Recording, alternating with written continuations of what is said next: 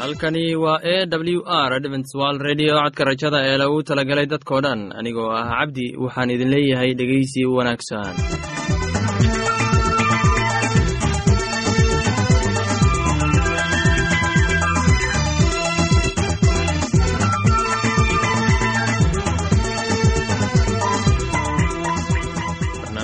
maanta waa laba qaybood. Qaybta koowaad waxaad ku maqli doontaan barnaamijka caafimaadka kadib waxaa inoo raaci doonaa cashar inaga imid bogga nolosha. Barnaamijyadeena maanta si wanaagsan u dhegeysan doontaan haddii aad qabto wax su'aal ama tala. Iyo tusaale fadlan inala soo xiriir dib ayaynu kaga sheegi doonaa ciwaankayagu balse intaynan u guudagelin barnaamijyadeena xiisaa leh waxaad marka hore ku soo dhowaataan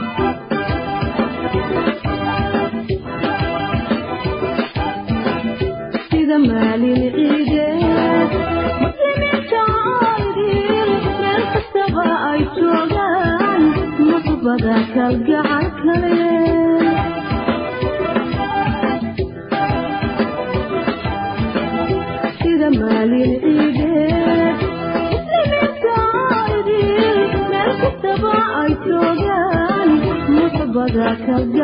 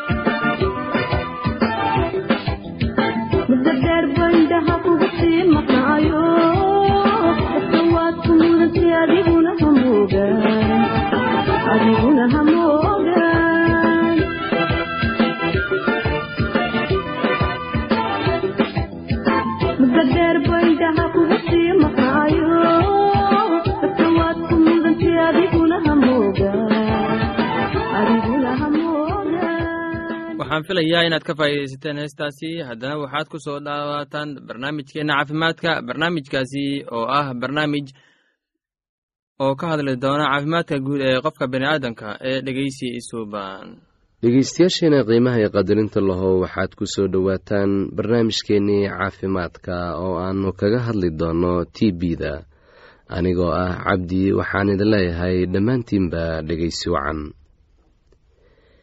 t b-da waa infekshinada ugu fursadda badan ee la xiriira aidiska ugu dhowaan kalabar dadka aidiska qaba ee ku nool dalka kenya waxaa ku dhaca t b-da laakiin haddii si wanaagsan loo daaweeyo t b-da waa la dabargoyn karaa xitaa dadka aidiska qaba waa laga daweyn karaa cudurka t b-da waxaa laga qaadaa marka uu qofka qabaa uu ku qufacayo ama uu ku neefsanayo. Wuxuuna ka dhashaa bakteriyada la yidhaahdo mycobacterium tuberculosis. Inkastoo ay jirto bakteriya kale oo la yidhaahdo basili oo iyana dhalisa t b-da. t b-da waxay qofka caafimaadka qabaa u soo gudubtaa marka qofka buka uu ku neebsado ama uu ku ag qufacayo. Haddaba waxaa loo baahan yahay in lagu dhiirigeliyo qofka buka in uusan ku ag quficin ama uusan xaaqo ku tufin dhulka. Waa in mar walba uu isticmaalaa masar ama safaleti marka uu qufacayo candhuuftana uu ku rido dhalo ama weel dabool leh kadibna la gubo oo god lagu shubo. Isla markaana waa in la aasaa. Infekshanka wuxuu qofka ku dhacaa marka uu qaato hawo la socoto bakteriyada basiliska la yidhaahdo oo tagta sambabada dadka oo dhanna kuma wada dhacdo ee way ku kala duwan yihiin. Boqolkiiba toban dadka qaba dadka qaata hawada ay bakteriyada la socoto ayaa ay ku noqotaa t b laakiin baryahan dambe ee uu aidisku soo batay tirada intaa way iska beddeshay. Waxaa suuroodaa in bakteriyadaasi aysan wax dhib ah ku keenin qofka inta noloshiisa ka harsan oo dhan.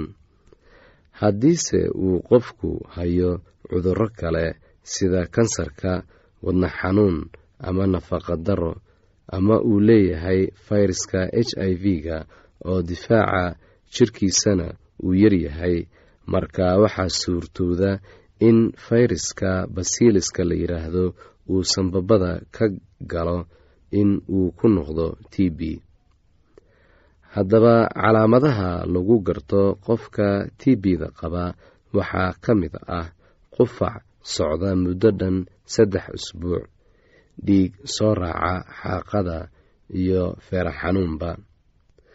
Calaamadaha kale ee lagu gartaa waxaa ka mid ah neefsashada oo ku yaraata miisaanka oo isdhima qandho iyo dhidid ka yimaada qofka habeenkii.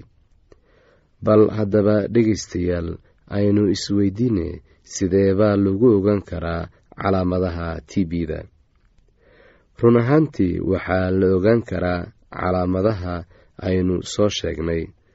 Mana habboona in lagu ekaado kiliinig la tago oo keliya balse waxaa loo baahan yahay in qofka buka shaybaarada ku shaqada leh baaritaanada tbda la geeyo. Baaritaanka xaaqada waa mid waa midda ugu wanaagsan ee lagu ogaan karo tbda sidoo kale x-rayga iyo maqaarka oo laga baaro ayaa iyana laga ogaan karaa tbda haddaba haddii aynu ka faalloonno daaweynta tbda sidaan ognahay soomaalidu badanaa marka qofku ku dhaco tb waxaa inta badan dadka in dad badani ay qarsadaan cudurka ilaa uu ku noqdo mid aan waxba laga qaban karin oo karonig ah ama uu qofku u dhinto.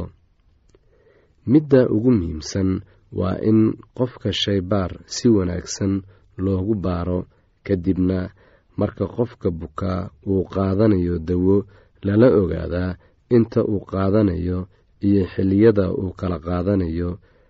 Hawsha waxaa badanaa qabta kalkaaliyaasha caafimaadka ama qof ehel u ah kan jiran islamarkaana waa in si taxadir leh loo hubiyaa sida loo kala qaadanayo dawada iyo xilliyada la qaadanayo daweynta tbda waxay qaadan kartaa muddo dhan siddeed bilood waxayna kala yihiin laba bilood oo ah wejiga hore sbatem smir bostif balmoneri oo midda daran ah oo ah nooca ka mid ah tbda waxaa loo baahan yahay in la siiyo qofka bukaa kiniiniyaasha kala ah sbatum iyo rifater hal mar maalintii. Tbda aan sii weyneyn ee la yidhaahdo sbatum smir negative an extra balmoneri tuberculosis. Waxaa dadka waaweyn la siin karaa kaniinka rifeterka ah hal mar maalintii caruurtana waxaa la siin karaa kaniinka rifeterka hal mar maalintii.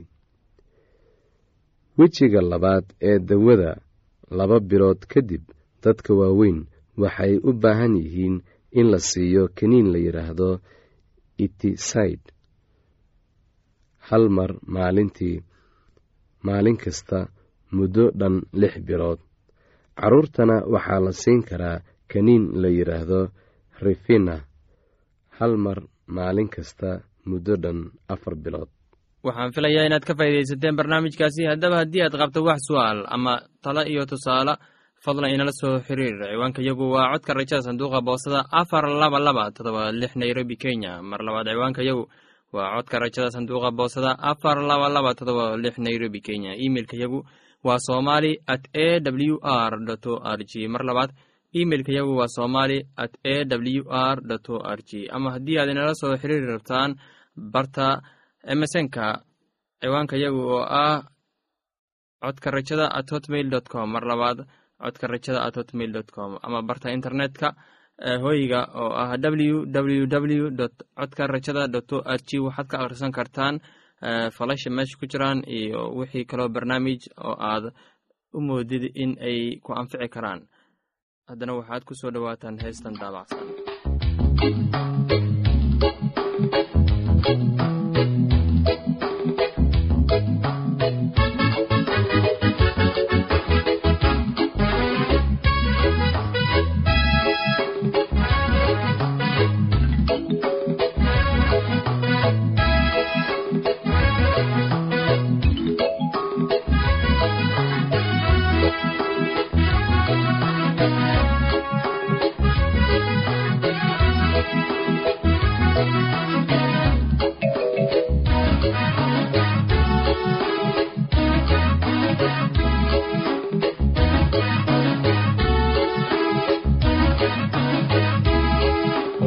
awhay kulankii hoodjogaagiyo aagogta maryaha hilabta qurxoon indhihi halaxsaday jacayl huladee awhay kulankii hoodjogaagiyo aagogta maryaha hilabta qurxoon indhihi halaxsaday jacayl huladee wanaagsan hadalkaagiiyo habkabuu dhaqaaqday baan ka helo ku soo hirtayo mabankanini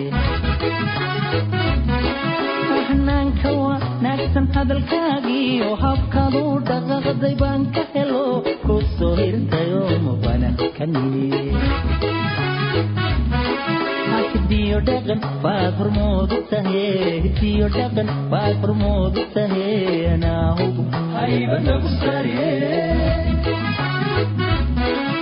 hidiyo dhaqan baad hormoodu tahe hidiyo dhaqan baad hormoodu tahe anaahugu haybanagu sare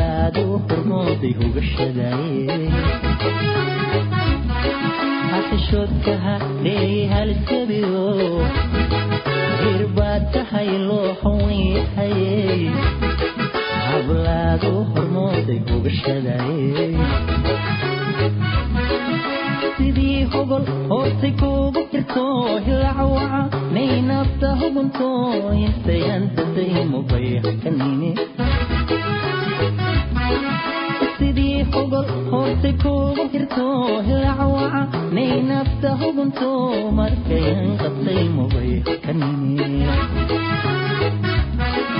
hidiyo dhaqan baad hormoodu tahe hidiyo dhaqan baad hormoodu tahe anaahugu hayba lagu sariye.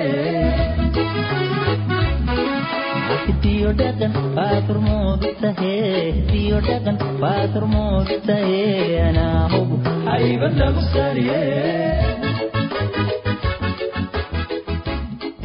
waxaan filayaa inaad ka faa'iidaysateen heestaasi. Haddana waxaad ku soo dhowaataan barnaamijkeenna kitaabka quduuska. Barnaamijkaasi waa barnaamij ee ku saabsan ereyada xikmada badan oo aan ka soo xulannay kitaabka quduuska ee dhegeysi wanaagsan. Oo wuxuu ku yidhi sidaas oo kalea farcankaagu ahaan doonaa oo rabbigu wuu rumaystay ilaahna taas wuxuu ugu tiriyey xaqnimo oo wuxuu ku yidhi isaga anigu waxaan ahay rabbiga kaaga kaaga soo kaxeeyey uurtii reer kaldayin inaan ku siiyo dalkan si aad u dhaxashid.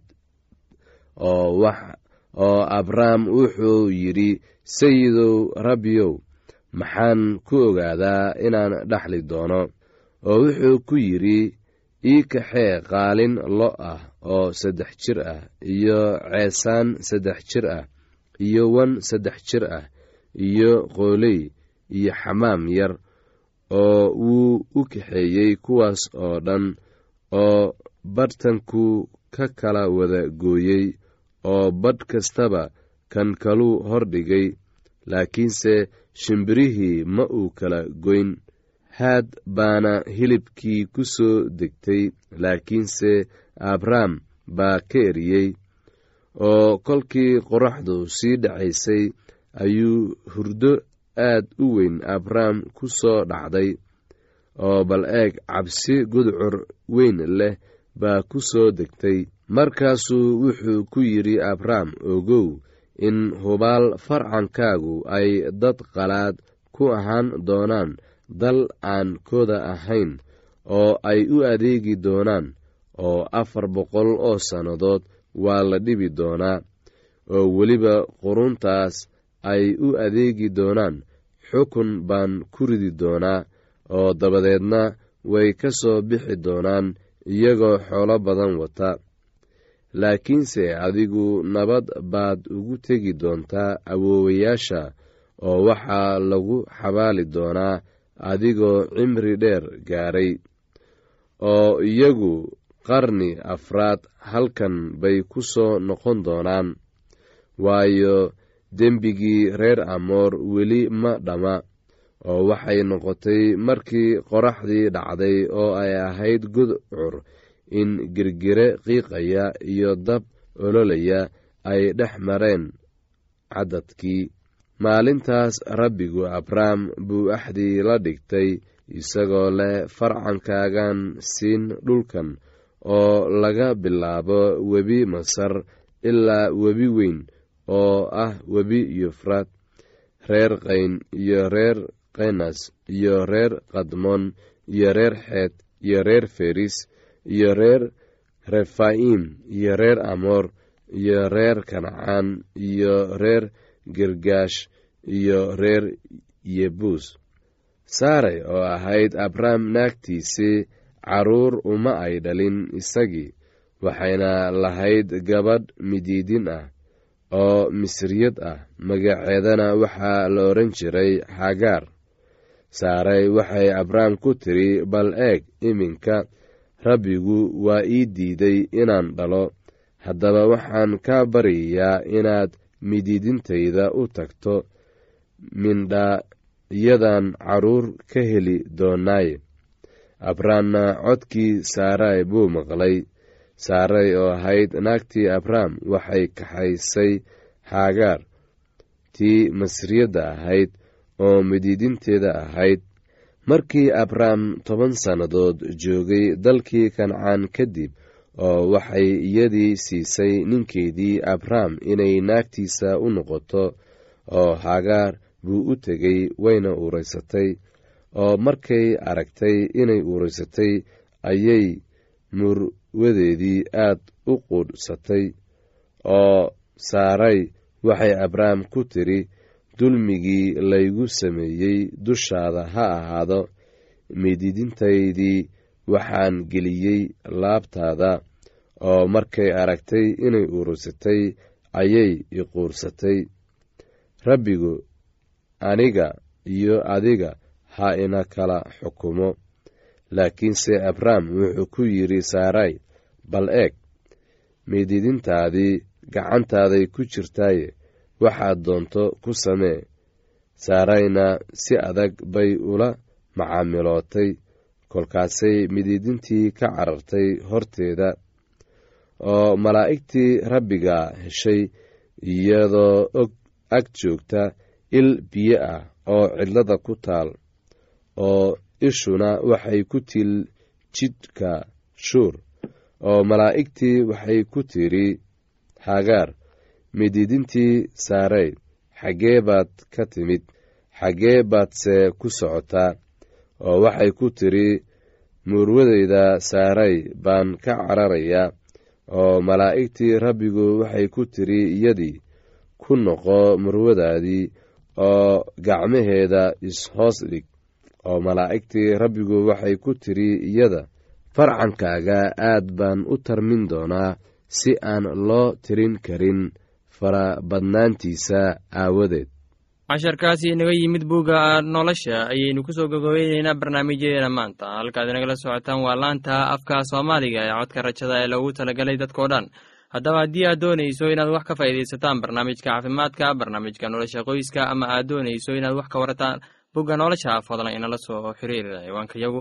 Waa codka rajada sanduuqa boosada afar laba laba todoba lix nairobi kenya. Mar labaad ciwaanka yagu waa codka rajada sanduuqa boosada afar laba laba todoba lix nairobi kenya. Imeilka yagu waa somali at a w r o r j mar labaad imeilka yagu waa somali at a w r o r j haddii aad doonayso inaad inagala sheekaysataan barta emesonka ciwaanka yagu oo ah codka rajada oo hal eray ah codka rajada at hotmail dot com ama barta hoyga internetka ciwaanka yagu oo ah www dot codka rajada dot o r g dhegeystayaasheenna qiimaha iyo qadarinta mudanow barnaamijyadeena maanta waa naga intaas. Tan iyo intaynu hawada dib ugu kulmayno waxaan idin leeyahay sidaas iyo nabadgelyo